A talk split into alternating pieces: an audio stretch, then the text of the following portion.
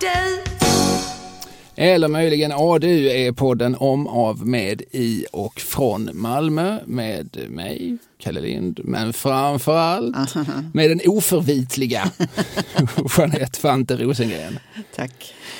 Ja, eh, vet du vilket nummer det är på det här avsnittet? Nej. Vilket är det?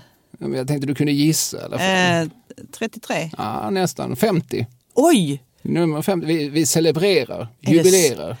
Vi jubilerar Hans Majestät och jag. Jaha. Som Karl Gerhard eh, lät sin tioårsrevy heta samma år som Gustav V fyllde 70.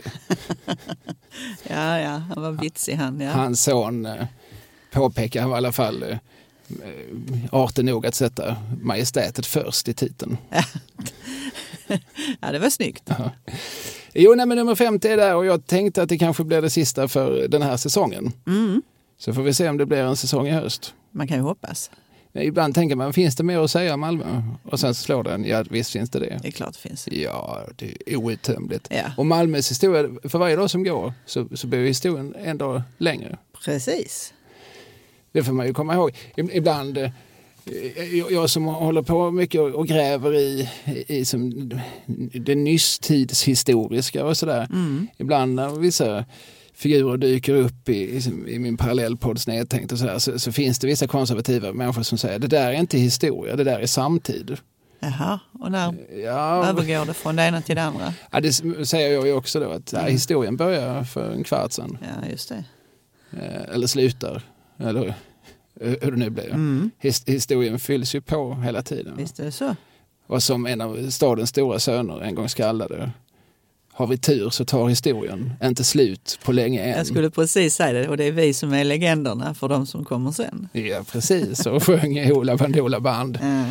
eh, 1972 på den blå plattan. Mm. Rocksamba heter låten. Mm. Ett lysande stycke. Eh, ska vi riva av eh, vår formalia? Ja. så är det gjort. Patreon.com kan man gå in på, leta upp ADU-podd i ett ord och så kan man då liksom prenumerera.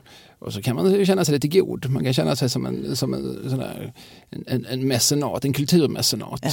En sån som, alltså som en furste, en sån som liksom beställde olika operor av Mozart. Frikostigt strösslade med sina egendomar. Precis, så kan man känna sig då om man ger oss, säg fem spänn Ja. per program. Man, man har rätt att känna sig så. Ja. Tycker man att det här är så krångligt, då ska man liksom leta upp patron.com och sen ska man liksom gå ner i någon ridå och leta upp ADU-podd och sen ska man liksom bestämma, liksom, jag tror dessutom att det är dollar eller möjligtvis euro, en summa. Tycker man det är jobbigt så får man också lov att swisha. Då swishar man, i- alltså Kalle Kulturarbete AB, 123 052 10 88. 123 052 10 88.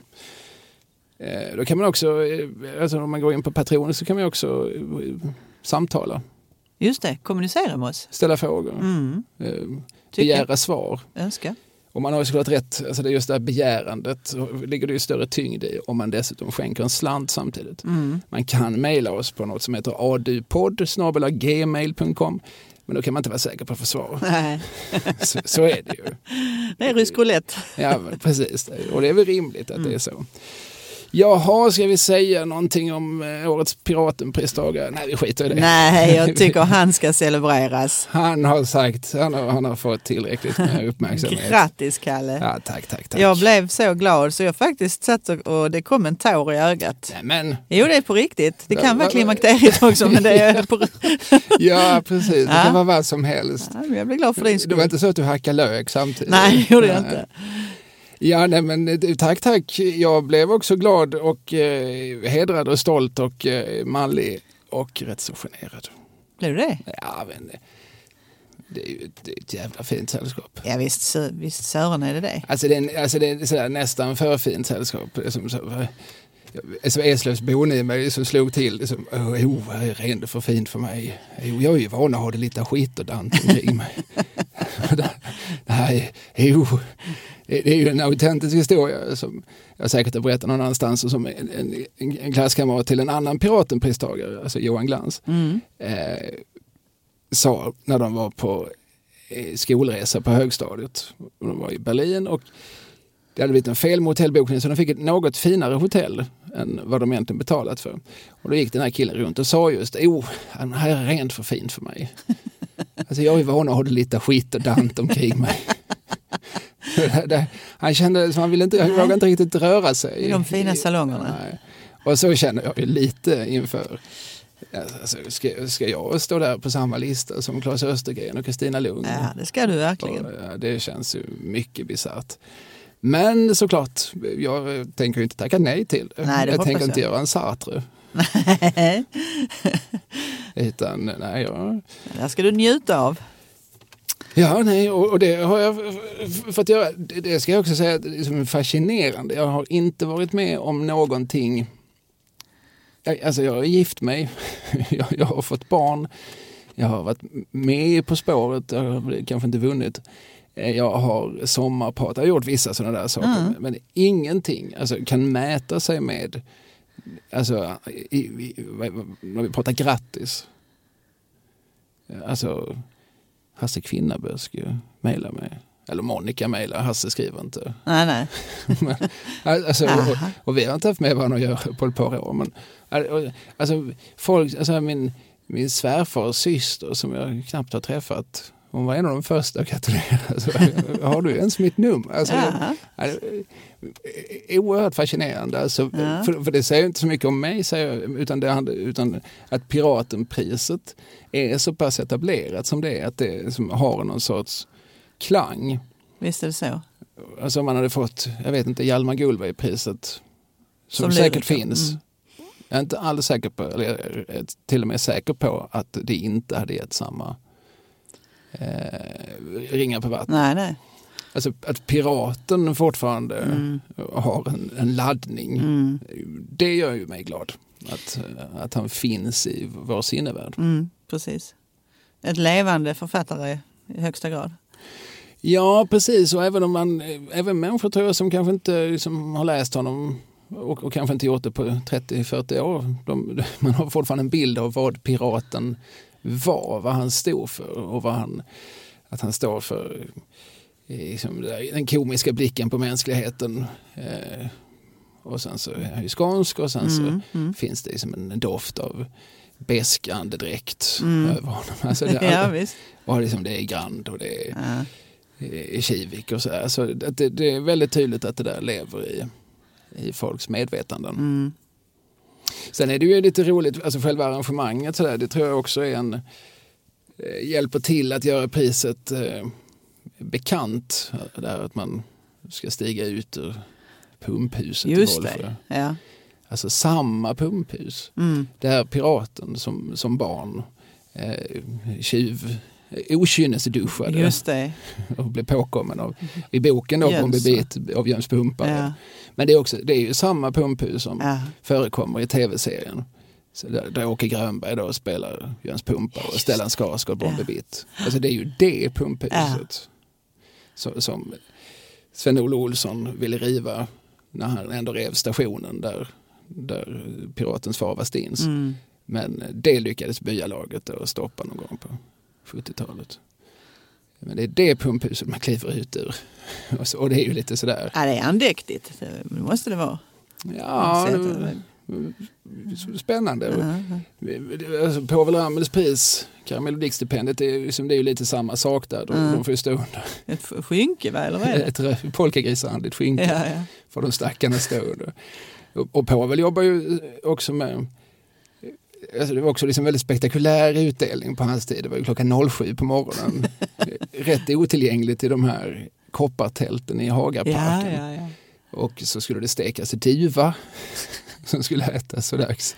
Och så var mycket liksom det här kringarrangemanget tror jag som, som drog uppmärksamheten till sig. Mm. Eh, för det är inte så, alltså just Karamellodikstipendiet är inte så stort, jag tror det är på 30 000. ja. Som Povel själv skrev i statuterna, det ska göra pristagaren oberoende, ekonomiskt oberoende resten av dagen. Piratenpriset är lite större i pengar. ja. Eh, men men eh, Hur mycket är det då? 150. Mm. Ja, det kan du väl, det kan ju bli något på, kor, på korvbaren för hela familjen. Ja, nej, men jag tror att barnen ska få varsin wurst. Ja, En Kanske- smal kokt i papper. Nej, de kanske får räksallad också. Idag har barn har fartat på sig spenderbyxor, Mm. så passa på. Ja, vill jag ha en pucko också? Nåväl, då har vi nämnt att det finns ju en viss Malmökoppling i detta. Absolut. Vi- vi- det- På många håll. Man motiverar allt man pratar om att ja, men det går att koppla till Malmö. Han bodde ju trots allt här. Jo ja. Ja, Och du bor här. Ja, och Hotell Horn låg ju Precis. här. Eh, Där bredviskannan stod som kyrka i by. Oj, oj, oj, oj. De sex sorterna. Det märkte jag för övrigt när man träffar Piratensällskapet att det är en sån sak de testar varandra på ibland. Vilka var de sex sorterna? Kan de, alltså, här då går de det och... Så ska man kunna det som ett rinnande vatten. Ja, men lite så. Där är någon, jag, kan inte dem, men det är någon som är lite oklar. Det är ingen som riktigt vet vad det var för en blandning egentligen. Eh, Det kan, kan ha varit någonting som piraten drog till med, ingen vet. Men oavsett, var gång man läser den där passagen så blir man ju både hungrig och törstig kan jag tycka. Ja, Al- alltså nästa års Piratenpristagare eh, heter ju då Maria Mausback. Ja, ja. Om du frågar mig i alla Ja, fall. Hon har ju i år nedkommit med en, en fantastisk bok. Alltså vi har ju pratat om hennes två första böcker. De, Mm. de var absolut läsvärda. Men den här, det här är ju någonting. Det här är ju någonting utöver det vanliga. Den är extraordinär skulle jag säga. Ja. Lucky Lada och jag. Ja. Som hon har skrivit liksom, i dialog med Bombi Bitt och jag och med Piraten. Mm. Eh, och eh, hon noterar ju att en, en likhet. Hon läser igenom eh, Piratens samlade verk. Det är inte så svårt som man kan tro för han var ju inte så flitig. Nej, just det. Och noterar ett par likheter. De är skåningar. De har liksom just ett öga för, för livets små komiska förtretligheter och människans svagheter. Och så är de båda väldigt intresserade av mat. Mm. Hur mat ska tillagas, hur den ska serveras, hur den ska ätas, hur den absolut inte ska tillagas. Mm. Eh, och, eh, så hon, hon excellerar gärna. Det finns ju skildringar av ålagillen och så även hos henne. Eh, Ålagill i Yngsjö. Den ska jag läsa i sommar. Ja, ja, men då har du någonting framför dig tycker jag. Mm. Den utspelar sig då inte i Malmö utan främst i Hör. Mm. Där hon har sina rötter. Det är ju inte så gräsligt långt från min uppväxtort Eslöv. Nej, just det. Eh, och jag känner ju igen jag känner igen mig tycker jag. Mm. Eslöv var ju lite, ska jag säga, lite mer civiliserat än Hör. Ja. Som i sin tur var lite mer civiliserat än Hörby. Det hade skala på det. Mm. Ja, ja, absolut. Mm. Och det beror mycket på att Hörby aldrig fick någon järnväg. Nej, okej. Det är, ju- det är, det är där vi söker, Just det. vi söker svaret på, på varför det är så här. För Inget det är så nytt blod här. in. Det, det, det är bara fakta. Mm. Eh, nåväl, det var inte alls det här vi skulle prata om. Det här var upppratet. Mm. För idag ska vi ge oss ut på en promenad både geografiskt och historiskt. Mm.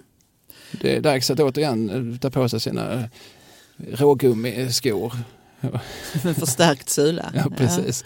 Och eh, sätta in eh, eh, lurarna och, eh, och var startar nu den här människan färden? Eh, Ja, men jag tänker här, här där vi sitter är ju egentligen väldigt, väldigt bra för vi är ju de allra, del, allra äldsta delarna av staden. Mm. Ja. Så tar jag då till, till Jäknegatans begynnelse ungefär. Mm, Alltså, eh, ja, ja, vad ska vi alltså, Petrikyrkan. Ja, precis. Vi, vi hör den där Skälbogatan och, och Jäknegatan. Eller Mäster Nilsgatan blir det ju då. Mm. Mm. Och då ska vi alltså ge oss ut på en tur i det medeltida Malmö. Ja. Varför inte? Jag, jag, jag, jag förutsätter att ingen har något bättre för sig. Nej.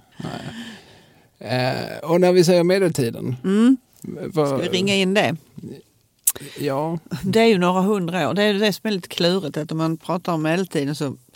så det, var ju ingen som, det var ju ingen på medeltiden som gick och sa jag lever i medeltiden. Utan det där är en konstruktion som man har gjort långt senare. det hade ju varit oerhört anakronistiskt eftersom man då inte bara skulle vara medveten om att det här är en sämre tid än antiken. Det är också Sen kommer det någonting som kommer att kallas renässansen. Precis. Eh, Medeltiden är ju då mellantiden mellan Ja. de här båda, som, som senare tiders historiker har ansett mer civiliserade epokerna. Just det. Ja, och då i Danmark som vi då är, vid den här tiden får vi ju tänka oss att det är någonstans mellan 1050 och i andra ändan skulle jag säga 1527 här då i Danmark för att då är det reformationen eh, som är den avslutande bortre gränsen där. Danmark reformeras alltså samtidigt med Sverige? Eh, ja, alltså vi är ju egentligen lite tidigare här för att... Eh, Mhm. Vi är ju oftast först på bollen. Ja, så är det. Så är det. Ehm, mm, Vi ligger ju närmare kontinenten. ja, Det är ju odiskutabelt så. ja, men visst är det så. Eh, För det ska jag ju villigt säga, jag är ju dålig på dansk historia. Mm. Det vill säga, jag är ju dålig på mer än halva den skånska historien. Alltså jag kan väl i, i stora drag redogöra för liksom, den svenska historien. Alltså med Erik den Lesbo och Halte och Sten Sture den äldre och yngre. Och, eh, H- minnes i Håtunaleken och, och Nyköpings Gästaby. Alltså sånt som, som, som traderas mycket i, i äldre, alltså sånt, de här stora historikerna som Fryxell och, och Grimberg och så. Och som, som ju blev en del av den svenska folkskolan. Och som ju sådana som Povel Ramel och Hasse Tage som ofta refererar till. Ja. Det finns ju med där som man läste Agaton Sachs Ja, Byköpings gästabud. Ja, det finns ju med som någon sorts referens och ibland så har man gått tillbaka och kollat vad, vad var det nu, vad var nu? Håtunaleken och sådär. Men den danska historien, alltså fram till eh, Karl X Gustav, fram till, de- den har jag ju aldrig lärt mig. Nej, och det är väl för att man i skolan lär sig den svenska, tänker jag. Det är den vi har mer eh, aktuell. Men eh, Danmark på medeltiden var ju större än både Sverige och Finland. Alltså rent eh, befolkningsmässigt och rent ekonomiskt så. Och berodde det på klimatet? Kanske inte så mycket på just klimatet. Nej men vädret, det var var- varmare. Varmare i Danmark. Eller menar varmare på den tiden? Ja, Ja. alltså det, det, det är ju några breddgrader söderut. Ja, förvisso. Alltså jag, jag bara tänker mig att ett skäl till att de norra delarna av Norden ändå som befolkades relativt sent, för att det är kallt. Ja, jo, Det är absolut. ju kallt nu, det kan ju Ja. för fan vara liksom minus 50 i Kiruna. Precis. Och i en tid innan centralvärme så är ju minus 50 ännu kallare så att säga. Visst är det så. Jag hörde någon gång någon språkforskare som pratade om just det där att, att vi uttrycker oss så kort och kärnfullt här uppe i Norden till skillnad från eh, Italien och Spanien och så som har ett blommande poetiskt språk med väldigt många synonymer. Det är för att vi inte hann det. För att hade vi pratat så hade vi frusit ihjäl och dött för då hade vi inte liksom hunnit att eh, spjuta ner de här antilopen, eller eh, kanske inte antilopen just, men renen som kom farande. En påbjuden kärvhet. Ja. Och så är det väl. Alltså, ju längre, alltså, du kan ju åka norrut, börja i Skåne och ta dig till, till norra Lappland. Folk kommer att bli fåordigare Mm. eh, längs, med, längs med resan. Det här har ju som Fredrik Lindström testat rent eh, fysiskt Ja, med sina ja. dialektprogram. Och så. Just det. Eh, Men eh, det är inte därför Danmark, eller det kan spela in tror jag, att det kanske var lite eh, eh, behagligare klimat. Ja, det är ju inte orimligt att anta det. Vilket ju också såklart gör det lättare att odla. Ja, visst är det så. Jo, men precis. Ehm, Det finns ju... Jag har läst om hur man odlade vitlök och sånt här på 1500-talet till exempel. Som sen försvann under den- 1700-talet så blev det så himla kallt även här så då gick det inte att odla vissa saker längre. Men det där kommer och går i cykler. Ja, så att Danmark är... eh, Alltså, nu är vi på 1000, eller 1000, 1100-talet. Ja, alltså, då, då är Danmark en, en större nation än Sverige och Finland. Och vi, Malmö omnämns någon gång, första gången just på, på eh, 1100-talets mitt skulle man väl kunna säga, eller 1170 eller något sånt där.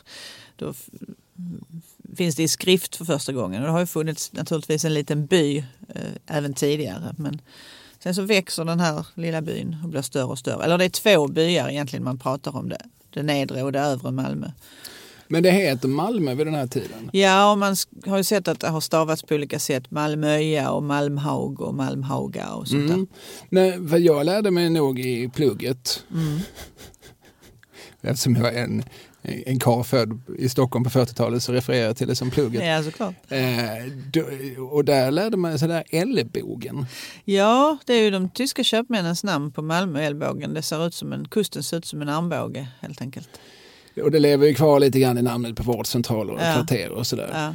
Men, men, men det var ett namn på Malmö, men det var inte invånarnas namn på Nej. Malmö. Okej. Nej, utan det var ju olika varianter på det där Malmöja och Malmhaug-temat. Och det där betyder egentligen bara sandhög. Malm i betydelse sand och sen så då en halvö, en sandrevel som så odramatiskt är det. finns bara en sak som rimmar på Malmö. Ja, Palmö. Halv, halvdö. Halvdö. Och det rimmar inte ens.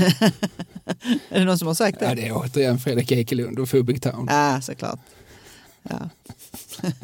Ja, men Palmö rimmar ju också. Ja. Eh, Ola Aurell, eh, trubadur med, med lite komisk satirisk touch. Han, han har en låt som heter Välkommen till Malmö. Den finns väl med på Radiopoddens eh, Malmölista.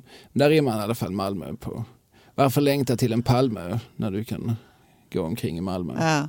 Ja, Hjalmar Gullberg också skrev också på det eh, temat en gång i tiden.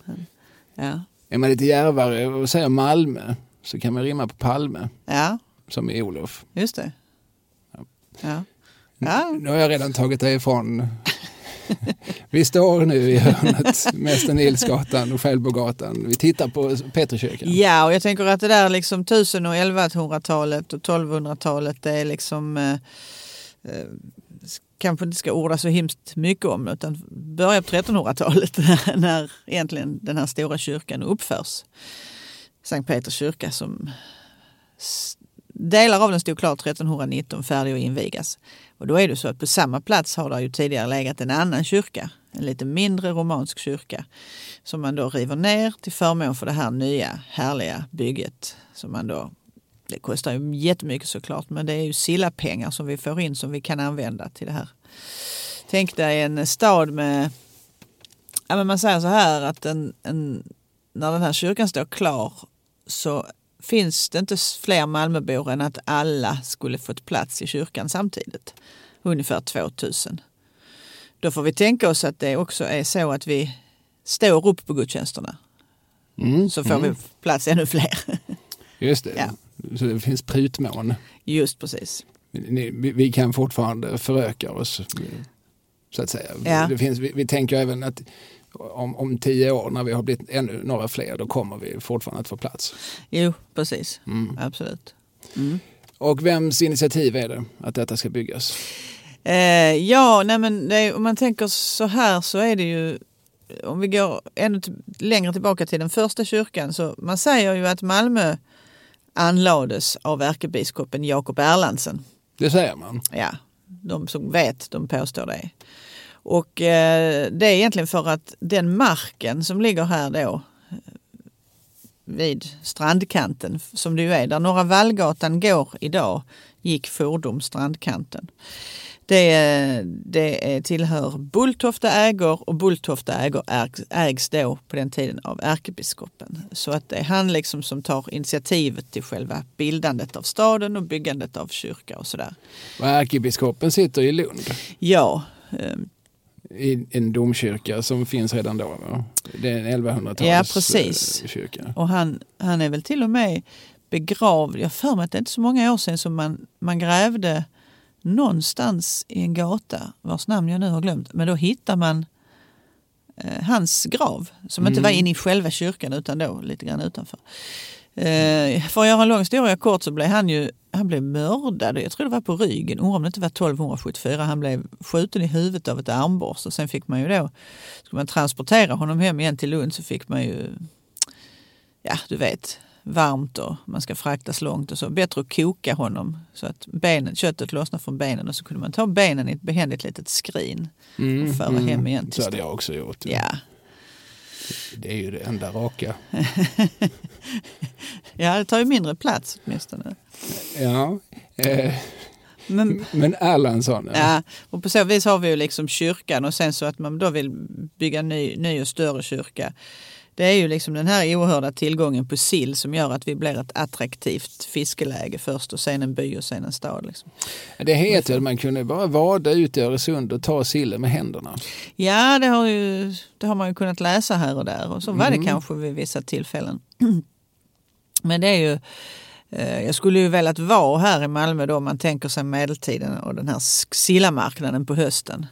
De här september, oktober, de här sex veckorna sillen går till. Och um, det blir som en enda stor Malmöfestival va? Ja, som det luktar lite skarpt om va? Ja, ja, ja, det är klart. ja, men, men då, då, då är sillen i alla fall färsk. Sillen, oh ja, och Sen den... ska den hem och bli spicken och, och saltad och rögad och så. Mm, salta gör man faktiskt här. Man, man, eh, man gjorde det à la minuit får man säga. På strandkanten så står det, dels var det de här gällekonorna som drog bort gälar och ja, idag hade man väl sagt filéade kanske. Sen, men, men, det var en yrkestitel, gällekona. Gällekona. Ja, den, ja, den, den, är väl död som titel? Va? Jag tror nästan det. För man kan ju tänka sig så här på liksom Östermalmshallen eller, eller på Saluhallen och så mm. folk som på JP Mm. Ett, ett av liksom den fina fiskrestaurangen vid, vid Lilla torg. Mm. Där man mycket väl kunnat ha en gällekona i köket. Alltså någon ja. som utför motsvarande Absolut. Eh, manöver. Mm. Men vi kallar, vi har slutat säga gällekona. Ja, och man kan ju inte leta i telefonkatalogen längre för det finns Nej. ju inga sådana. Ja, men sen fanns det läggkonor som, som eh, la, la sillen i tunnor, alltså som man varvade sill och salt, sill och salt i, på stora tunnor då som köpmännen skulle ta med sig hem till Europa. Och det här var olika yrkestitlar, det vill säga jag ser framför mig nu att det här görs lite på löpande band. Ja, precis. Alltså, efter att jag har gällat så lägger du? Precis. Och det hör till saken att eftersom vi inte har en naturlig hamn i Malmö, vi har ingen hamn alls förrän på 1700-talet, så är det ju så att vi har en lång grund sandstrand från Norra Vallgatan ut får man tänka sig där centralstationen och allt det här ligger idag. Ja, det är svårt att tänka sig tycker jag. Ja men det är, visst är det det. Det är en sån sak som folk eh, ofta liksom häpnar över. Alltså vi tar ju alla för givet att liksom havet har sina naturliga gränser på något sätt. Ja. Men vadå? Gick hur kunde vattnet gå ända dit upp? Vänta nu, hur, hur, skulle, hur, hur kunde folk då ta tåget? Ja. Nej, men tåget fanns inte. det var inte uppfunnet. Ja, men för, för att allt från Norra Vallgatan och liksom ut till nuvarande strandkant, det är alltså anlagt. Det är anlagt, ja. Precis. Vi hade en, en sandstrand där och en, en, en, en långgrund eh, alltså, vattnet var långgrund och man fick ju ankrutet på redden och sen fick man ro små båtar in och ibland kunde man ha lite högre sådana här vagnar på hjul som man kunde dra in då och, och ut. Um, men, men då um, kommer fisken in då från det hållet. Så det är verkligen eh, löpande band. Först till gällkonorna, sen till läggekonorna. Och det var ju viktigt det här med saltet. Att man uh, eh, varvade ordentligt och att det blev tillräckligt saltet. För det ska hålla i saltat skick i ett år ungefär. Var fick man saltet ifrån? Ja, det, eh, det köper man in. Det finns ju... Det finns ju... Eh, nu tappar jag ett ord här. Händer det dig någon gång, Kalle? Eh, alldeles för ofta. Vi, vi har börjat komma upp i den åldern. Är det så? För jag tänkte så på en det. ort som var en väldigt viktig saltproducent i, i, i Danmark just och, och, en i Tyskland som man då köpte in salt ifrån. Ja, vi får se om det kommer till dig. Mm.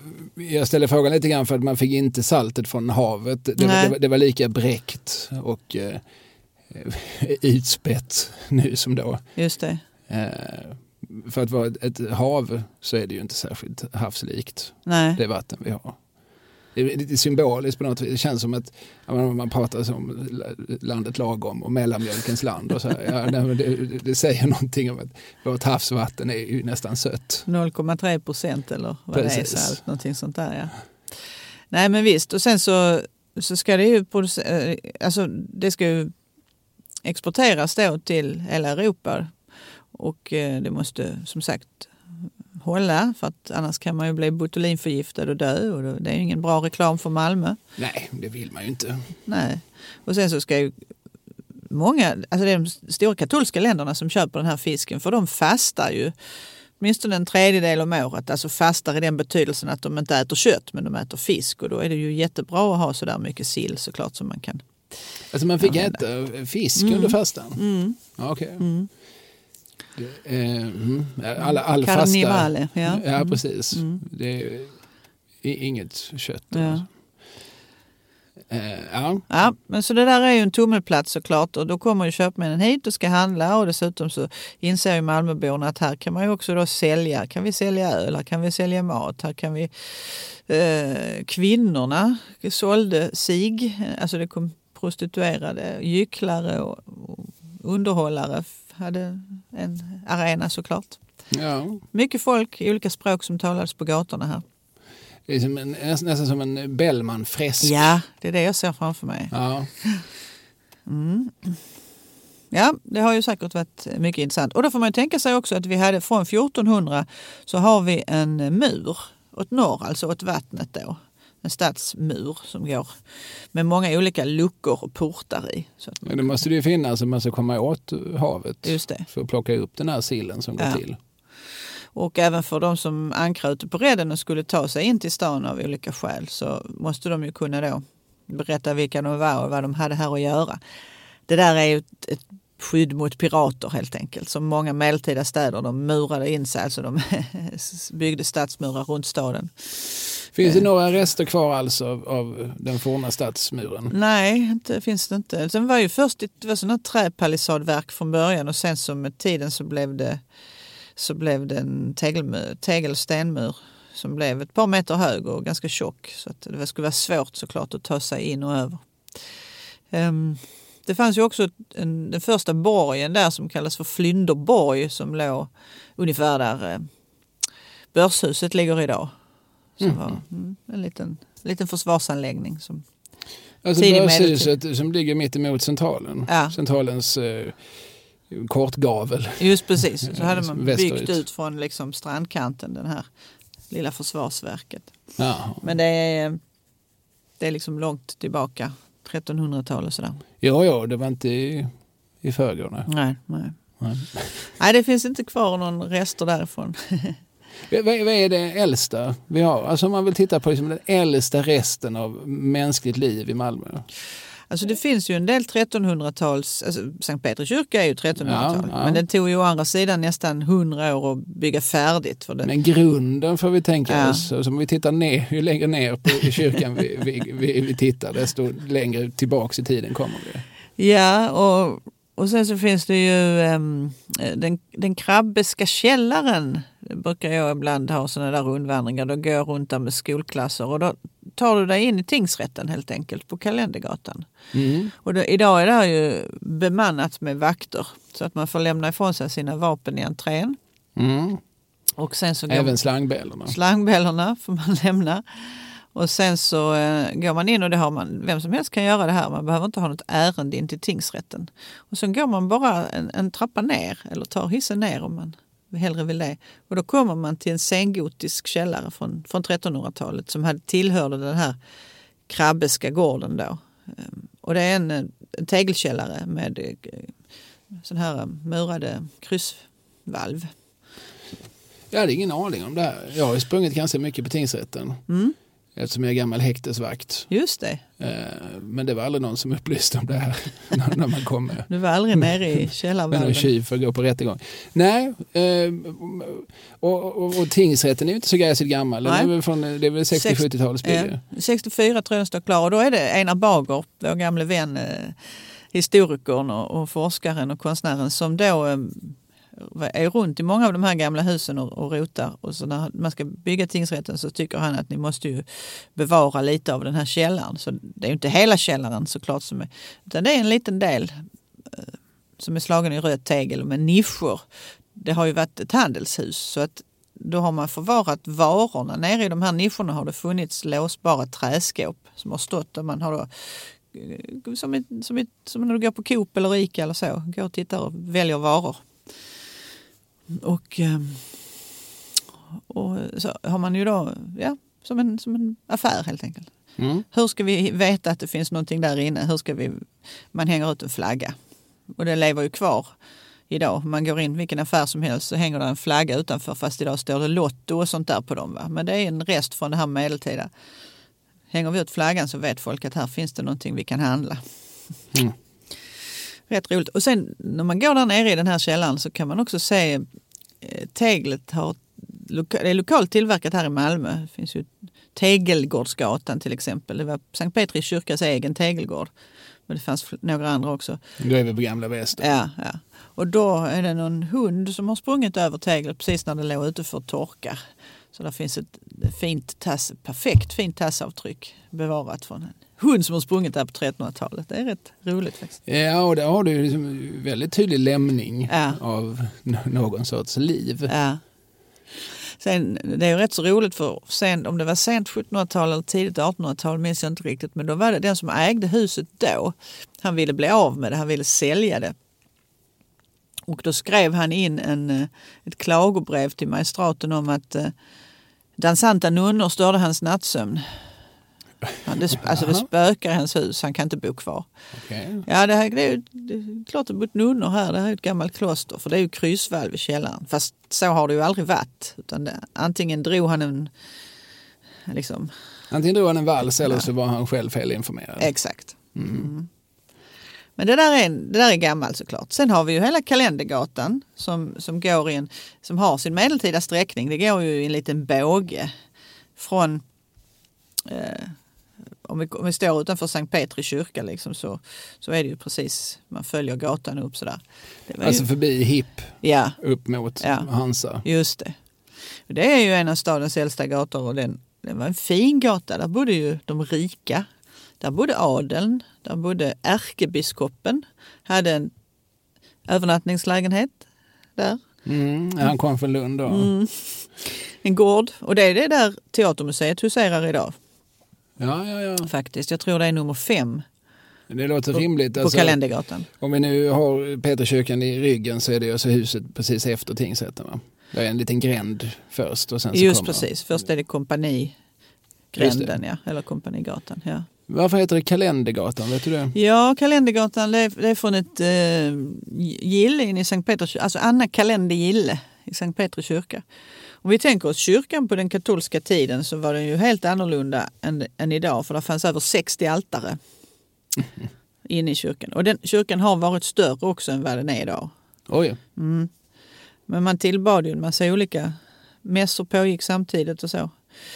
Eh, sen när kommer reformationen då är det liksom ett huvudaltare. Alltså, katolicismen är ju nästan då liksom en, en politism. Mm. Alltså, så- Som hinduismen eller som gammal asa eller antik tro. Så. Alltså man har liksom ett helgon för, för, för varje. Man har liksom tjuvarnas helgon och, och eh, eh, böndernas helgon och, och helgonet för På helgonen. Ja, helgonet för, helgonet, helgonet för, för, för fiske och friskvård. Alltså man har... Mm. Eh, det, det, ja, jag förstår inte riktigt. Men det behöver inte jag göra. Nej, och jag tycker det är rätt så trevligt att tänka sig att man skulle kanske bott i ett katolskt land för då hade man haft fler helgdagar helt enkelt. Det hade man ju haft, Mm. absolut. Och sen hade man ju haft bikten. Ja, Man, just det. man har ju sluppit det här dåliga samvetet man går runt med som lutheran hela Ja. tiden för att man finns. Ja. Ja, men, eh, vi ska inte ge oss in i det Nej. teologiska träsket. Nej, kanske inte. Nej. Men kalendergatan, alltså sträckningen är alltså kvar för att, Mm. och, och, så, och, och när är det huset från där Teatermuseet huserar? ja, de äldsta delarna är väl där från eh, eh, om det är 14, tidigt 1400-tal någonting va? Så pass alltså. Eh, Sen är det naturligtvis ombyggt med tiden på olika sätt. Men det För finns går man rester. in i kompanigränd så, så, så, så kan man liksom ana, det, det är ju liksom fula klåfingrar fingrar som har varit inne och petat i ett väldigt historielöst 60-tal. Mm. Men man ser fortfarande på, på vissa husfasader, på vissa eh, alltså, man, det, man kan ändå föreställa sig att det här har äldre rötter. Just det, det. finns någonting i strukturen på hur husen förhåller sig till varann. Mm. Eh, nu är jag alltså inne i kompanigränd och, och, liksom- och ser mig Mm. omkring, sveper lite med blicken. Ja men det tycker jag är härligt. Man går in just i kompani eh, där eh, kompanihusgården till och med. Om man, Och det är alltså gränden som förbinder Kalendergatan med Stortorget. Ja. Och sen viker man av så man går in på kompanihusgården och då ser vi ju självaste kompanihuset, det här fina eh, röda huset som är, det är eh, alla tegelhus i Malmö i princip då i början på 1500-talet, utom Sankt Petri kyrka, var målade på det här sättet med rött. Ett tunt lager järnoxid, man kallade det för engelskt rött, som man strök huset med. Och eh, Jörgen Kocks hus som vi också måste prata om sen var också målat på det här sättet och så har man ju hittat färgpigment så att man visste att också man hade gjort linjer eller border längs med huset som var i gult, svart och grönt. Så det har ju varit färg, alltså färg, färgfyrverkeri. Eh, i staden. Alltså som en Hansa-stad. Alltså Mm. så som ja, Lübeck. Eller Ja. så, här, alltså, Och, och det här huset, själva kompanihuset, det är ju ett litet mini-Malmöhus om man ställer sig och tittar på det. För det har ju sådana där trappstegsgavlar. Och det är, jag tror att 1527 ungefär är året för dess tillblivelse. Då var det ju så här att, att vi hade den danske kungens generalbyggmästare här i stan. Han hette Morten Bussert. Han var en flamländare och han eh, var då i Skåne. Han var i Skåne några år och hjälpte till att eh, renovera kyrkor och slott och sådär. Och eh, han var här just för att han skulle jobba med Malmöhus, alltså det gamla slottet. Han måste ju ha någonstans att bo. Först hade han och hans fru fått något litet hus i närheten av där vid vallgraven, men det hade rasat ner. På något sätt hade huset liksom, äh, dåligt byggt eller så. Och då fick han så småningom den här tomten i centrala Malmö och han fick själv bygga det här huset. Som de då sen bodde i. Sen, sen dör han i pesten vet jag men eh, huset står ju fortfarande kvar. Och det blev sen ett kompanihus. Det danska kompaniets hus, alltså där köpmännen då eh, samlas och hjälper varandra. Och en sorts eh, fackförening kan man nästan säga ja, alltså en träffpunkt snarare än ett bostadshus. Alltså. Ja, ja precis. Mm. Och man, man hjälper till exempel om det någon eh, broder där avlider så hjälper man änkan och barnen. Och ja, man har olika, ett, ett nätverk. Mm. Handelsnätverk. Ja, Nu har vi liksom hållit på här i som i 40 minuter. Vi har gått i princip ett kvarter. oj. Från, från Petrikyrkan och sen så har vi som strukit längs med tingsrätten där alltså den Mm. krabbeska källaren finns och sen så har vi tagit höger in i Mm. kompanigränd. Jag tycker man ska säga någonting om Skälbodgatan också faktiskt. Ja, då får vi gå tillbaka Ja. lite. Okej, ni som har tagit er ett kvarter, nu, nu vänder ni tillbaka. Skälbygatan går alltså mellan Kalendergatan och jag heter den Mäster, Mäster Nils gata. Ja precis, den byter namn där ja. Ja, och sen blir det Jäknegatan. Eh, och jag var Skälbodarna. Ja men Skälbodarna det var ju eh, små enkla hus som stod på den här platsen och detta är ju kyrkans område. Vi får tänka oss att vi har en kyrkogårdsmur, vi har en kyrkogård utanför Sankt Petri kyrka och det har vi faktiskt ända fram till mitten på 1800-talet innan man tar bort den här muren. Och de här små husen då det är ju eh, fattiga Malmöbor som får bo där gratis en sorts sponsorsystem. Det bygger på att rika människor tar ansvar och bekostar det här. Ett eller två eller flera hus. Och så kan där bo någon stackars fattig sate eller en pensionerad präst. Och kruxet är då att det är ju aldrig så att det finns inga gratis luncher utan man måste ju göra någonting. Så att bor man där så får man gå in en gång om dagen i Sankt Petri kyrka och be en bön för sin välgörare. Ja, Okej, Men ja, det, det låter överkomligt. ja, visst gör det det. Men Skälbo, det är ju ett spännande namn. Mm. Alltså där bor det, alltså det är de fattiga själarna. Liksom, Ja, där, vi, vi förbarmar oss över dessa arma själar. Ja. Och de här som, rika människorna som sponsrade med det här, de såg ju sen att om någon bad för dem sådär hela tiden så skulle de ju få en lindrigare skärseld. Ja, Det var ja. det det gick ut på. Så Alltså, win-win det- för alla. Det är väl väldigt mycket det livet går ut på. Att, att se till att purgatorio blir så överkomligt som möjligt. Framförallt att man, att man då till slut kommer ut i paradisio och inte i inferno. Precis. Dante Lind har talat. Ja. Ja, nej, men det är väl, Ja. ja. Ja, återigen, jag, jag känner, det är ganska vanligt så här, bland, eller det fanns under en period på 1900-talet när många så kallat intellektuella svenskar liksom konverterade. Ja. Birgitta Trotzig och Sven Stolpe. Och, Torgny Lindgren. mm. Så här, som, ja, det är kat katolicismen, det är där jag har mitt hem. Ja. Det kanske är så även för mig. Ja. Jag kanske Det ändå spännande att se om du kommer ut som kommer att, katolik. att söka. Ja, precis.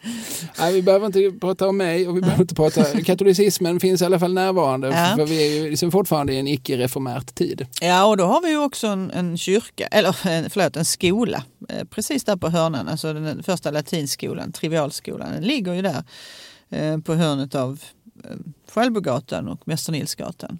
Mhm. Mm. Alltså ett hus bort från oss där Ja, vi sitter nu. För vi sitter alltså på Jäknegatan 1. Just det. Så där är bara eh, träd just idag. Men där 1406 så får vi ju tillåtelse att bygga den och då är det gossar som ska studera där. Och då läser de latin och teologi. Och, Mm. Just det. Eh, Skoldagen börjar fyra på morgonen och slutar på fyra på eftermiddagen. mm, mm. Det kan ni höra ungdomar. Som går, om det är någon av er som går i skolan. Ja, om det är någon av ungdomarna som lyssnar på den här podden. Ja, precis. Ja, ja men lyssna Lyssna vidare. och eh, förstå hur privilegierade ni är. Det finns alltid någon som har haft det värre. Sen i andra hörnan av Skällbogatan, alltså mot Kalendergatan, där det till för inte så länge sedan låg en restaurang som hette Pinchos. Ja, precis. Och innan dess La Empanada. Mm. Exakt. Där fanns en badstuga. Och det Mm. fanns det ju på flera håll i staden. Men eh, med, man, man har ju någon, någon slags bild av medeltiden att det var väldigt sådär, usch, folk var så smutsiga och gick omkring med sina stavar och hade, eh, vad heter det, spetälska allihopa eller pest och ja, Ja, och det var tannalöst Ja. och vingabrödet. ja, svartvitt liksom. Mm. Men det är klart att man precis som nu vill gärna vara ren och fräsch och lukta gott och så. Så att det fanns flera badstugor i Malmö och en av dem var kyrkans badstuga och den låg där på hörnet. Och där badade man tillsammans. Det var väldigt demokratiskt. Män och kvinnor, unga och gamla, fattiga och rika. Eh, även de som var hemlösa så att säga, de här som bodde i själbodarna, de kunde få lov att bada där emellanåt. Men fanns det som bassänger då? Det var som, Det är som en, om du tänker dig bastu egentligen då. Mm, alltså badstuga, eller bastu är väl egentligen en förkortning av badstuga. Men- Mm. Just det. Så man, man kunde alltså sitta och svettas ut svetten och sen så ta någon sorts kallbad eller så Ja. efteråt. Och någon, någon baderska, det var ofta kvinnor som jobbade där som baderskor eller badmästare. De, eh, Jag känner fina baderskor, gör det? säger Hasse Alfredsson, enfaldig mördaren. Ja, just det. Just det. ja. Ja, det ja, det är bra att bli tryfferad de här avsnitten med lite... Vä- väldigt ovidkommande citat ja. sånt sånt som poppar upp i huvudet och man bara liksom, släpper på alla spärrar och låter liksom associationerna komma fritt. Ja, jo, eh, ja och det, det där finns ju kvar alltså, i, i många städer, alltså, även om vi går runt liksom, i Göteborg eller Stockholm, man ser här och var om man tittar på fasaderna, det som har varit en badinrättning. Ja, Det är ju någonting som, alltså, långt in på 1900-talet, innan folk fick rinnande vatten i sina hem, Precis. så fanns det ju som offentliga badinrättningar. ja. Eh, och det är ju är såklart någonting som har funnits genom. Seklerna för att folk har då och då behövt få bort de värsta lo- lopporna och lösen. ja, ja visst absolut. Skäktorna. Projektorna. Sen så, så um, när Columbus kom hem från Amerika, alltså kom hem till Europa, då hade han ju med sig den epidemiska syfilisen. Mm. Ja, kanske inte han personligen, men hans mannar åtminstone. Jag, jag vet ingenting om om, om, om, Kristoffer. om, om, om Columbi moral. Nej, men då, och det, detta kommer ju, det sprider sig såklart och det kommer ju också till lilla Malmö och det är ju en, en venerisk sjukdom som Mm. vi vet. Så att, eh, men man visste inte riktigt hur det smittade. Man trodde att det var vattnet som var smittbäraren och därför stänger man under en period de här badstugorna. Då blir vi lite skitta eh, rent generellt. Kombinationen syfilis och smuts. Ja, du vet. Ja. Fritt fram att tänka hur det kan ha sett ut. Ja, nu har vi tänkt färdigt på det. Nu går vi vidare. Ska vi gå vidare? Ja, men ska vi gå, eh, jag gjorde en liten avstickare där, men ska vi gå, vi gick ju Kompanigatan, ska vi gå upp till Stortorget? Det tycker jag. Ehm, Då gör vi det. Ja, alltså hur gammalt är Stortorget? Ja, vi får tänka oss att det är ju egentligen efter medeltiden som det börjar läggas ut eftersom jag tror det är 1538 eller någonting man börjar med att lägga ut det. Men det hör ju till saken att på medeltiden var det här ju bebyggt. Så när man river, alltså de som pratar om att man rev på 60-talet och tycker det är förfärligt. Ja, sådana som jag. Sådana som du. Jo, jo. Vad har ni att komma med? Ja, alltså, jag är emot även detta rivandet. Man rev eh, en tredjedel av Malmös bebyggda yta då för att göra ett torg där Ja, 25 000 får ju lätt plats när Timbuktu eller, eller Wilmer X eller någon andra spelar där på Malmöfestivalens sista kväll. Va? Ja, alltså är det inte Nordens största torg? Nej, men jag tror Linné sa ju det 1749, men det kan ju för allt i världen ha hänt något sen dess. ja, ja, det kanske det har, men, men det är ju ett påfallande stort torg. Ja. Alltså när man tänker, ja. alltså, nu är det liksom lite träd där och lite parkeringsplats där och, och, och så här, men om man ställer sig vid en ända och säger alltså, det här är ju ett stort torg. Ja. Eh, lite större än, än vad vi har liksom bruk för i, på daglig basis. Särskilt som det ju nu för tiden inte heller är ett månglartorg. Nej, precis. Jag tror Linné steg upp det till 200 steg i varje riktning, alltså ett kvadratiskt torg. Mm. Ja, och det är ju intressant att tänka sig va? att vid den tiden när detta görs med de här rivningarna, man river bort eh, flera kvarter, då, ju, gårdar, gator, för att anlägga ett jättestort torg. Um, och vi är någonstans kanske mellan 10-15 000 invånare vid det tillfället. Mm. Då, det måste finnas något visionärt i detta. Man har, man har en bild av att eh, ja. vi behöver en stor ja. uppsamlingsyta. Det, det, var ett månglartorg vid tiden gissar Ja det blev ju det. Alltså, för vi hade ju ett torg redan innan och då, då får vi flytta oss till alltså um, den Lange Ädelgäde, alltså det som idag är Västergatan, Adelgatan, Östergatan, Östra Tullgatan, den Malmös äldsta gata kan man säga. Längsta mm. också vid den tidpunkten. Den, långa, alltså den, långa, den långa Storgatan är betydelsen av det. Precis, det är en gata som, ja, just det. Mm. Alltså det är en gata som börjar egentligen vid Slottsparken ja. och eh, sen tar sig till, nu för tiden till Värnhemstorget. Ja. Alltså, ja, sen blir det ju Salrupsvägen. Just det. Väl. Ja. Eh, precis, och den är i, sin, i sitt medeltida ursprung runt 1500 meter någonting. Och det går ifrån slottet till väster precis till Österport i öster. Då ju. Och det är lite grann innan nuvarande Drottningtorget? Eller efter? Ja, det är precis vid, man kan säga vid Norregatans mynning. Så det är ja, vid slutet av Drottningtorget. Mm. Precis. Men där fanns ju ett torg då um, därför att vi hade ett rådhus som låg där Pittahuset ligger idag. Mm. Det vet vi vad det är. Ja, det är väl adress Adelgatan. Eller det kanske um, den inte heter där. Det blir det nog. Ja, jag tror det. Mm. Um, ja. Det gamla, ett gammalt riksbankshus från början. Från 1800-talets, 1878 tror jag någonstans, eller 88. Um, ehm, som sen har varit stadsarkiv och, och lite annat. Men, eh, och, och Jacques Werup kallade det för Pittahuset. Ja, ja. Så det var ju inte jag som satt här och var snuskig i mun. Nej, och han hittade väl inte på det utan det var väl vad det kallades i folkmun. Ja. För att eh, med lite fantasi, eller inte så mycket fantasi, så kan man få de här liksom väggdekorationerna att se lite falliska ut. Mm. Ja, det, det märker ni när ni är ute och tittar på det här. Där låg hur som helst stadens första rådhus tidigare på den platsen. Och framför det så låg Stadens torg. Och det kan man också se på gatan när man kommer där att den är fortfarande lite bredare. Det är ju en lustig, alltså man, man ser ganska tydligt att här har det varit olika saker. Här har man kompromissat med, mm. med gator hit och hus dit. Ja. Eh, alltså korsningen, ja det är ju Kalendergatan som går på ena hållet. Eller den kanske inte, det heter den kanske inte än där. Men alltså upp, nu måste jag, nu måste jag blunda här för att jag kunde se det framför mig. Ja. Um. Du, du, har liksom Adelgatan mm. och sen så den vägen som går upp från Centralen. Vad heter det. den då?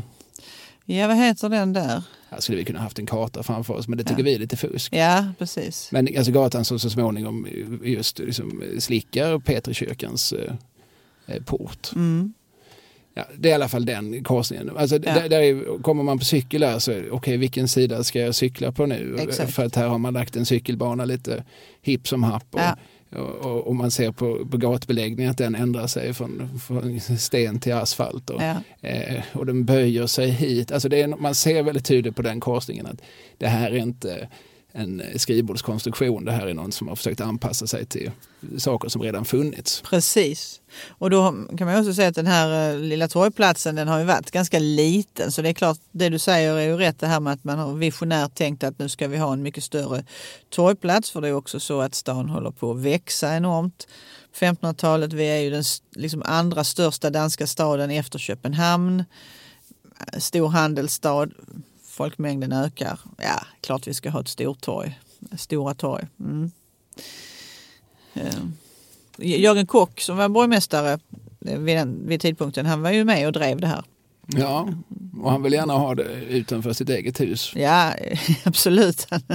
Det, det var väl passande. Mm. Mm. Och det, sen så hörde saken att där, om vi tänker oss utanför Hotell Kram eller framför Hotell Kram där finns en parkeringsplats idag. Där låg ju den gången också Heligansklostret, alltså ett stort kloster som senare revs ner. Man använde man, det där teglet, det, det har, fick nytt användningsområde både i Lund och Malmö när man byggde nytt sen då. Men det är ju efter reformationen så, så rivs det där. Ja just det, då har man inte längre bruk för katolska kloster. Nej. Även, och så får man ju tänka sig att det här var inte bara ett kloster vilket som helst utan det var också eh, stadens sjukhus där man tog hand om sjuka och äldre och behövande. Så den funktionen försvinner ju också på något sätt. Ja, mm. ja nu är vi och nu räknar vi med att det inte blir sjuka. Nej, precis. Ja. Ja, okej. Okay. Så Stortorget, och när, vet vi ungefär när det är färdigt? Ja, men det är någon gång på 1540-talet. Det tar några år att göra allt det här såklart. Det är en stor arbetsinsats. Riva ner, bygga upp, anlägga. Ja, och sen måste väl ändå de som bor i husen flyttas någonstans? Absolut, så är det ju. Och sen ska man bygga ett nytt rådhus, vilket man ju gjorde på Stortorget. Ja, som man höll på med ett tag. Mm. Det, det, ser vi på fasaden att Just det. den byggdes inte på en dag. Nej.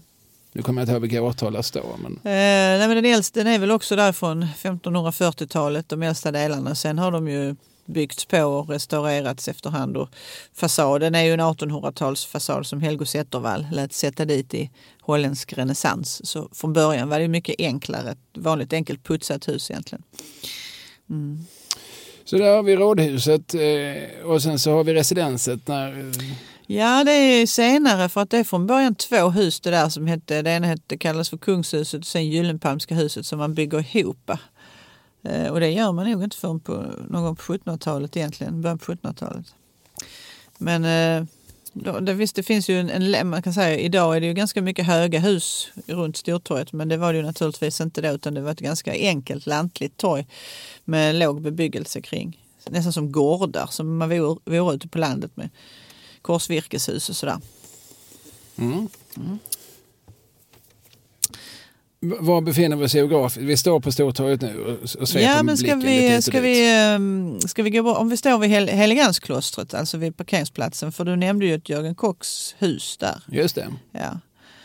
Eh, på hörnan där. Eh, man svänger ner liksom, man går förbi Kramer hotell och sen så svänger man höger Ja, precis. Mm. Och sen så svänger man vänster ner ja. på Västergatan. Men, så har man ju hela kvarteret där liksom. Kan man, stå. man kan gå på, eh, på um, restaurangen där nere. Ja, årstiderna. Ja, precis. Och det kan man ju göra om man vill få liksom en känsla både av kanske inte medeltid men, men, men liksom äldre tid. Men också om man vill få en känsla av Malmös 60-tal. Ja precis. man rör sig genom lagren där ja. Ja, mm. nej, men det sitter man liksom ganska lågt i tak och det är valv där nere. Mm. Och, eh, jag är väldigt förtjust i att sitta där. Man, man, lite synd att man inte kan röka cigarr. För, ja. för, för det är väldigt cigarrvänlig miljö. Absolut är det det. Men konjak kan man ju fortfarande. Rökverk får man inte längre. Nej. nej. Men, men det var krog redan där på 1500-talet. Det var, jag vet någon som hette Dirik van Hegen som drev det till exempel. Som, eh, ja, det var mycket buller kring honom. Det var mycket klagomål på hans gäster framförallt. De betedde sig när de kom därifrån så att de hade väl fått lite för mycket innanför mm. vadmalströjan. Men Jörgen Kock då, han, eh, han kommer från Tyskland, kommer hit till Malmö och är myntmästare. Och då ska vi ha klart för oss att man slår nästan hela danska rikets mynt här i Malmö. Först på Myntergården, som ju är nuvarande museet, slottet. Och sen så på den här tomten som han då köper med sin hustrus pengar. För det var hon som var rik, det var hon som var adlig. Det var hon som hade stålarna. Sitsekortsdotter van Nyland hette hon. Det är ett bra namn. Ja. Det är svårt att komma ihåg, men i övrigt, man förstår att okej, okay, det här är någon som har pengar och börd. ja, lite äldre var hon också. Hon hade varit gift tidigare med en eh, dansk, han heter Walter Kniphoff, en borgare från Köpenhamn som hade dött då. Och hon hade några barn med honom och en av de här sönerna som heter Klaus Kniphoff, han hamnade i lite blåsväder sen. Han, var, han hade fått ett sånt där kungligt kaparbrev alltså, av Kristian II. Han fick lov att vara sjörövare helt enkelt. Mm. Mm, det är rätt så kul tänker jag som kung. Nu delar vi ut sådana här rättigheter. Det fanns väl en berömd Göteborgskapare som hette Lasse i gatan. Ja, just det. Det kanske var mest, var mest kände. Han hade också kaparbrev tror jag. Ja, ja. vad hette han? En gatenhjälm eller något? När han blev, var det inte så? Ja, när, när han adlades. Ja. Ja, säkert så. ja. ja, men den här eh, Klaus Kniphoff, han, eh, ja det gick ju bra i början men sen så fastnade han i Hamburg och blev eh, fast där med hela sin flotta och blev dömd till döden. Mm. Kaparbrevet gällde inte så långt. Nej, de tyskarna tyckte inte att det är riktigt, det var inte de som hade utfärdat det. Så han, fick, han skrev ju ett brev hem till sina föräldrar då i Kockska huset på Västergatan i Malmö och eh, beklagade sig. Och styvpappa då, Jörgen, han åkte ju ner med kappsäck full med pengar och försökte köpa loss sin, sin styvson. Men det gick med skäl inte utan han och 75 andra ur hans eh, kaparflotta blev halshuggna i, i Hamburg i maj 1525. Mm. Ja, det är dramatiskt skede man säger. Ja, det, mm, ja. absolut. Ja. Det, är en, en, en, dag att minnas. Såklart en sorgens dag på alla sätt och vis, men, men, också lite spektakulärt. Absolut. Eh, och ma, heter hon, mamman då, Sitze och Jörgen, de, hon hade ju, de här barnen var ju rätt så stora redan när han kom in i bilden. Så att hon, de fick inga gemensamma barn, men de levde ett långt och lyckligt äktenskap med varandra. Däremot så hade Sitze en eh, moster, en ung moster som också hade blivit änka i Helsingör. Och hon funderade på att flytta till Malmö. Det var så bråkigt i Helsingör. Mm. Hansan var där och hade sig. Och då säger Sitze och Jörgen, ja men flytta ner här till oss för det är en tomt precis tvärs över vår vårt hus där som är ledigt, där kan du bygga. Och då gör hon det. Den här kvinnan hette då Anne Pedersdatter Liljefelt och hon bygger det som idag heter Rosenvingska huset som ligger liksom på Västergatan snett emot Kockska huset kan man säga, en liten bit ifrån. Mm. Rött 1500-talshus i tegel. Eh, och, eh, och så flyttar hon in där det, det, är Malmös första parhus faktiskt. För det är två lägenheter som ligger, de är spegelvända med ryggarna mot varandra i det här huset. Flyttar hon själv in i den ena så flyttar hennes frånskilda dotter in i den andra. Det låter ju rätt modernt. Ja, det gör det verkligen. Mm, för det var inte så ofta man skilde sig på 1500-talet. Vet du varför hon skilde sig? Nej, jag vet faktiskt inte det. Jag har inte forskat i det. Nej. Eh, men de bodde där och hon var ju en handelskvinna den här Anne så hon drev ju, ja, hon både importerade och exporterade. Och hade sin verksamhet. Och det här, huset är ju känt för att det är Nordens äldsta papperstapet inuti där på väggarna. Fortfarande finns kvar. Ja, smal sak att vara känd för. Men, men det är ju mäktigt såklart. Ja, och det här huset är ju från, står det nu, 1534 tror jag det står på den här det är en sån här kritstenstavla över, över entrén, över porten. Det är skriven på platttyska. Ja, min platttyska är lite rostig, men, men ja, 1534 låter väl så troligt ja. som något annat. Ja, ja precis. Alltså, siffrorna är ju då de samma som... Ja, precis. Men, ähm, men där är en text. 1534 blir det, ja. Uh, nej, men det är en text och uh, den är så, rätt så svårtydd men översatt till ehm, modern svenska så står det ungefär så här. Ack människa, betänk din lott, hur Gud av jord dig skapat blott. Hur döden smyger tjuven lik och rycker bort både arm och rik. Så det är det är tung, tunga ord att gå in under varje dag. Mm, jag förstår att du har memorerat dem. Ja, absolut. Det går inte imorgon. Utan att Utan jag att- tänker. Att det någonstans med dessa ord ekande bakom pannbenet Ja. träder ut i världen. Just det. Mm. Ja, okej. Eh, Ska vi fortsätta längs eh, Västergatan? Det kan vi göra. Eh, för här, och, här, och, här och var runt omkring Gamla Väster som ju är liksom min, mina hemkvarter Mm. så finns det ju, där, där är någonting och där är någonting. Alltså Mm. det är lite, man gick ju inte riktigt fram med osthyvel på Gamla Väster. Alltså man jämnar inte hela kvarter med marken riktigt på det sättet utan lite slumpmässigt får man för sig. Mm. Det fanns säkert liksom, Dels fanns det väl de som ville riva allt och sen fanns det de som inte ville riva något. Och sen så kompromissade man sig fram. Vissa saker ansågs vara mer kulturhistoriskt värdefulla än andra. Just det.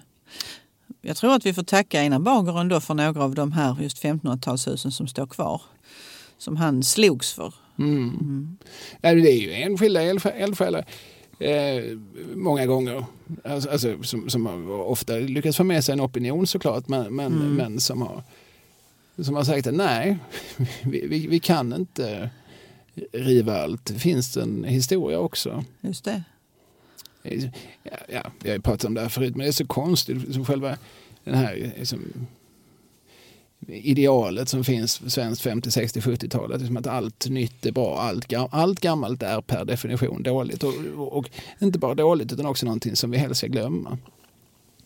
Ja, Det får liksom inte finnas alltså, som en påminnelse om något förflutet heller. Utan, nej, vi ska bara blicka framåt. Jag tänker osökt på den här, eh, är det Taube? Det var Shi Huangti, kung av Tsin, som lät bygga den kinesiska muren. Ja. All historia ska börja med mig. Ja, han ska bränna alla böcker. Ja, Det finns, alltså nu är det år noll. Mm. Nu utropar vi det. just Det gjorde väl även Pol Pot, så han utropade det här, nu är det år noll. Ja, Det okej. finns inget förflutet. Nej. Eh, Kambodja har aldrig funnits, nu är det Demokratiska republiken Kampuchea. Inga, inga jäm- jämförelser i övrigt mellan 50-60-talets svenska sossar och eh, den, den vansinniga eh, gerillaledaren Pol Pot. Men, men det finns i, i tänkesättet finns det faktiskt paralleller. Alltså, Mm. Just den här idén om att, att vi vet bäst. Mm. Alla som har gått före oss på jorden, de har haft fel och Mm. de ska glömmas. Mm. Och även det, liksom deras svett och deras armod ska glömmas. Mm. Vi ska inte komma ihåg någonting. Nej. Det är mycket märkligt. Ja, det är det.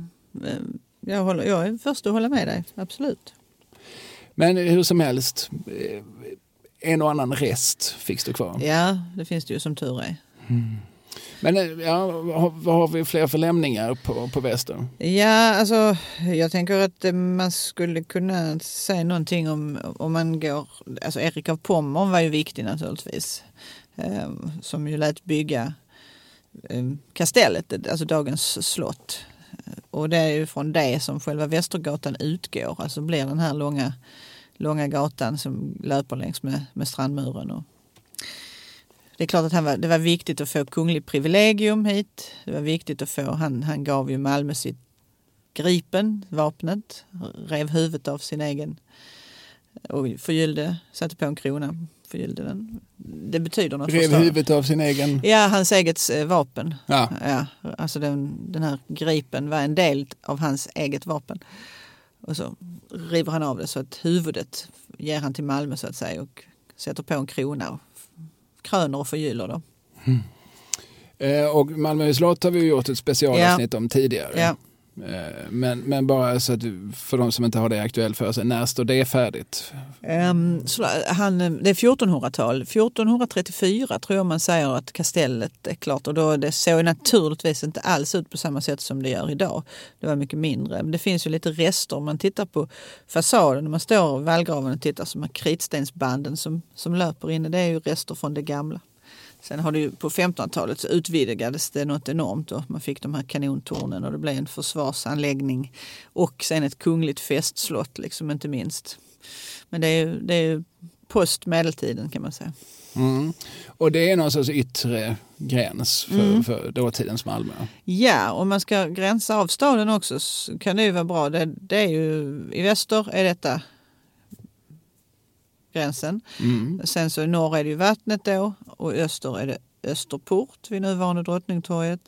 Och i söder är det ju liksom mynningen mot Gustav Adolfs torg kan man säga. Så, Mm. så större än så är inte staden. Då är Nej, det ju är en vall, eh, inte en mur på det hållet utan en, en vall. Det var egentligen ingen, ingen försvarsanläggning utan det var mer en juridisk bestämmelse av var staden slutade, den här vallen. Då. Mm. Och eh, om vi då liksom tar oss in på väster igen, finns, Mm. det, finns det fler? Nu har vi gått en liten vi tar den där lilla eh, som slängen bort mot slottet och sen så raskt tillbaka till bebyggda kvarter igen. Har vi kvar medeltida lämningar? Eller som, hur gamla lämningar har vi på väster? Jo men där finns ju en, där finns ju en hel del sådana där eh, 1500-talshus. eh, Det finns det ju.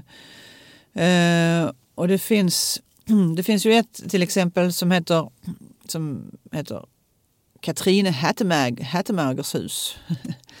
Em, om du står vid Kockska huset, vid, Mhm. vid hörnet där, vi har madonnan uppe i nischen som Mm. står med Jesusbarnet i famnen.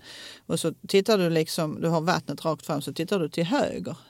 Då har du ett gult hus på hörnan som ser ut som om det var från 1800-talet för det är sån här ampirstil. Men det är ett 1500-talshus som man då har klätt i annan dräkt över tid. Och det är precis som i, i fallet med Rosenvingska huset så det var två änkor som byggde dem. Och varken Rosenvinge eller Hattemager, mannen då, har satt sin fot i de här husen för de var döda när husen byggdes men ändå har de liksom fått namn efter de här gubbarna. Men änkorna hade ju möjlighet just i egenskap att de var änkor att sköta sin egen ekonomi och då kunde de ju idka handel. Och det gjorde båda de här två då. Eh, Så det är ju ett sånt hus. Och det, vad jag vill säga med det är att ibland så ser man ju inte, för att alla hus ser ju inte ut som Jörgen Kocks hus som är så tydligt eh, 1500-tal. Utan andra är ju eh, inklädda i olika tiders moderniteter. Ska vi svepa förbi Lilla Torg? Det kan vi absolut göra. Där finns ju hus som vi... Ja, det där verkar vara gammalt. Hedmansegården, det verkar vara gammalt. Ja, allt det där är ju postmedeltid också för att um, Lilla Torg är ju yngre än Stortorget. Alltså det dickar man ut och lägger ut 1595 börjar man med det. Det är så härligt malmöitiskt. Så har man Stortorget. Och så, äh, det räcker inte riktigt utan vi, vi tar vi gör ett till. Vi har, ska ha en liten pendang här. ja, nej, det, Det är Malmö. det är konstigt också. Okej, här finns det som en liten utväg, som, som ett appendix. Ja. Som ett blindtarmsbihang. Ja, ja visst. Ja, Ja, och nästan alla som inte vet det tror ju att Lilla Torg är äldre därför att generellt är husen runt omkring där äldre än vad de är runt Stortorget. mm. Och vi tänker också att först gjorde man väl ett litet torg och Ja. sen, sen så, så kom man på att man behövde större yta. Men nu var det tvärtom. Vi Ja. hade ett jätte, jättestort torg och tänkte att vi behöver, ett lite, vi behöver lite mer. Vi behöver någonstans att ha maten, Ja. tänkte man ju. Så flyttar man maten dit där. Ja. Mm. Bagare, bagarna och fiskblötarna och köttet och diverse handlarna. Mm.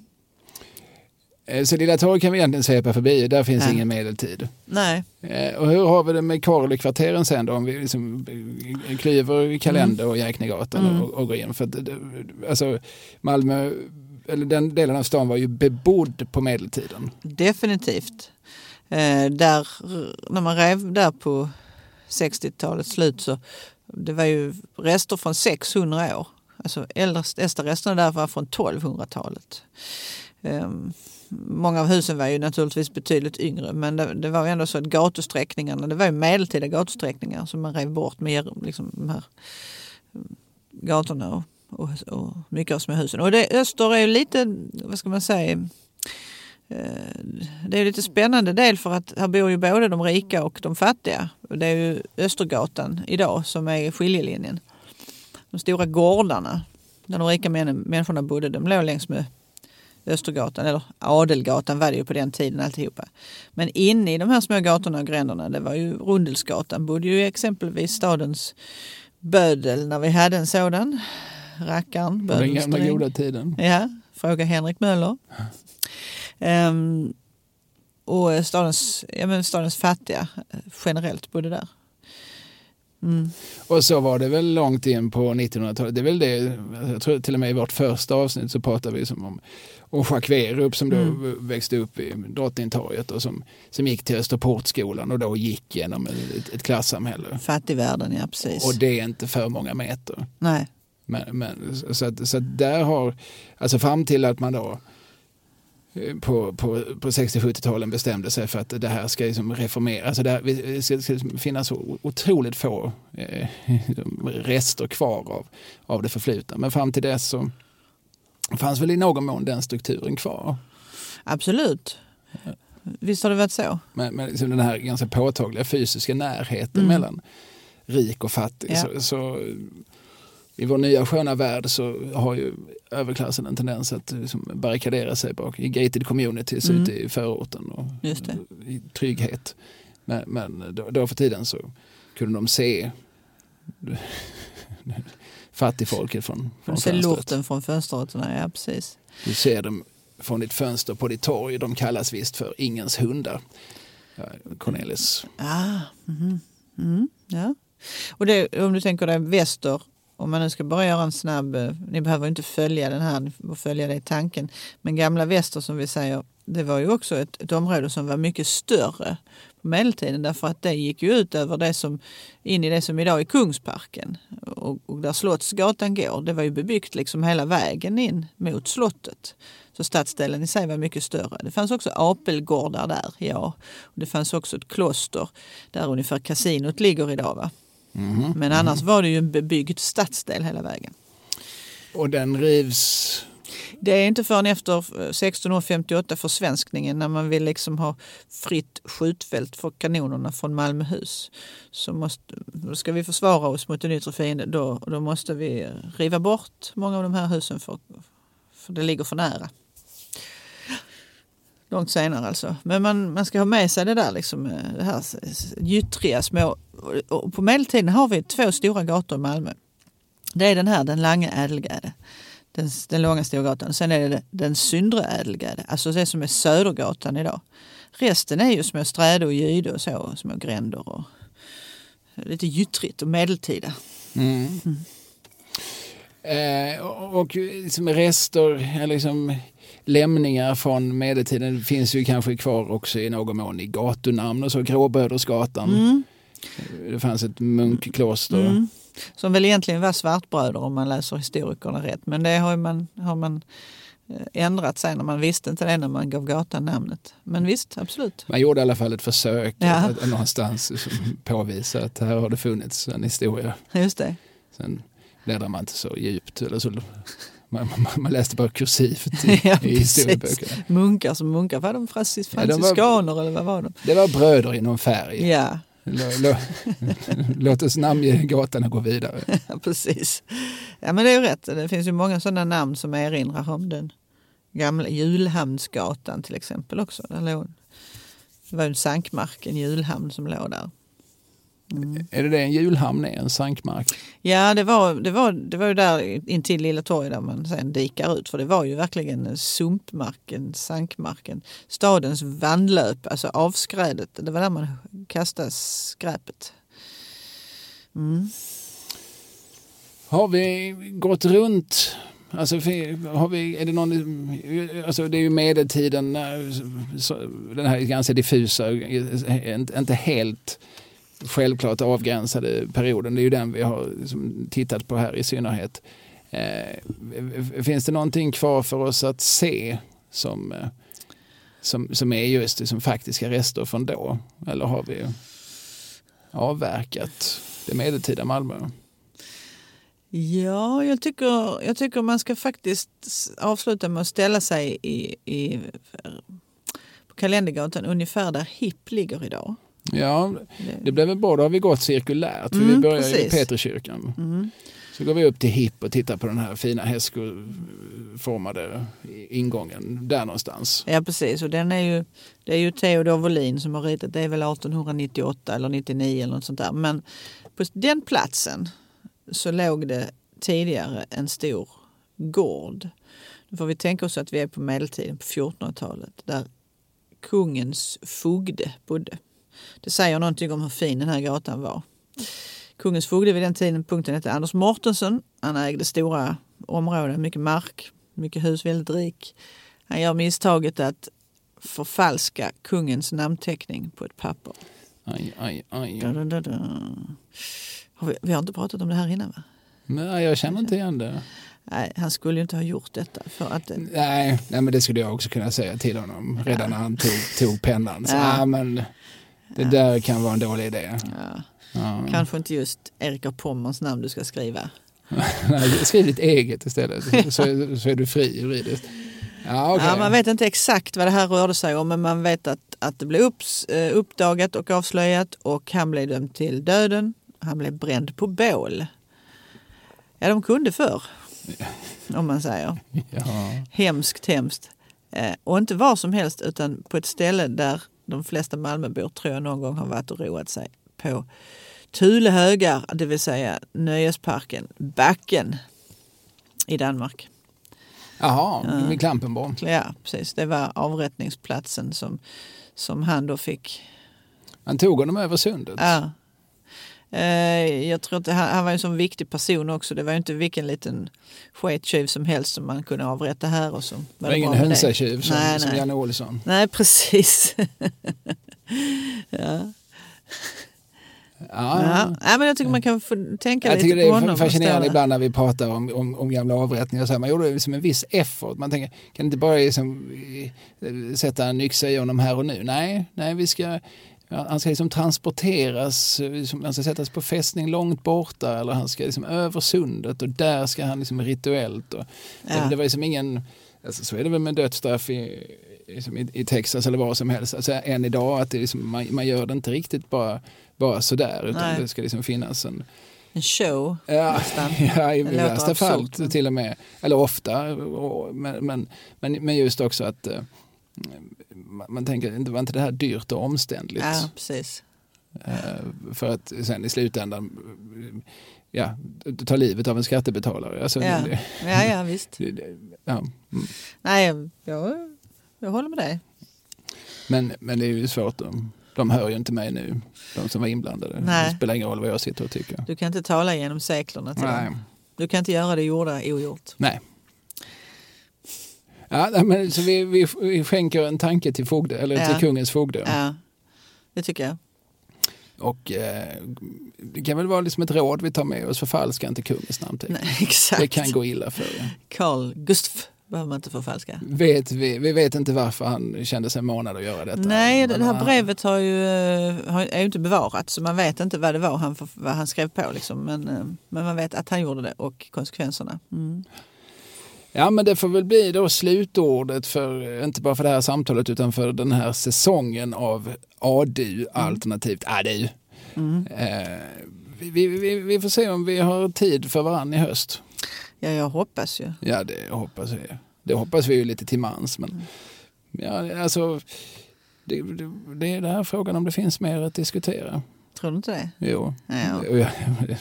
Det är många som frågar det ibland, alltså gällande olika poddar man har. Så finns det, är det inte slut på ämnen? Så, nej. nej, tyvärr. Eller tyvärr, alltså, nej, man blir liksom inte färdig. För varje, varje sten man vänder på hittar man ju tolv stenar till. Ja, men vi har ju till exempel vi har inte pratat om när rockgruppen Kiss åkte Dragerfärjan eller någonting. Va? Nej, precis. På 50 program har vi, har vi inte ens nämnt detta? det. Och Stellan Skarsgård som du nämnde tidigare idag, honom har vi inte pratat så mycket om. Han har ju växt upp i Malmö, herregud. Ja, nej, precis. Va? Det- Ni hör gott folk, det Mm. finns mer att säga. Så att vi kommer förmodligen tillbaka i en eller annan form. Detta var hur som helst avsnitt 50 av ADU och eh, vi säger väl glad sommar. Mm, verkligen. Ta hand om varandra och krama varandra i trafiken. Ja, bada lugnt. Ja. Så har vi. Mm. Hej. Hej! Allt beror på dig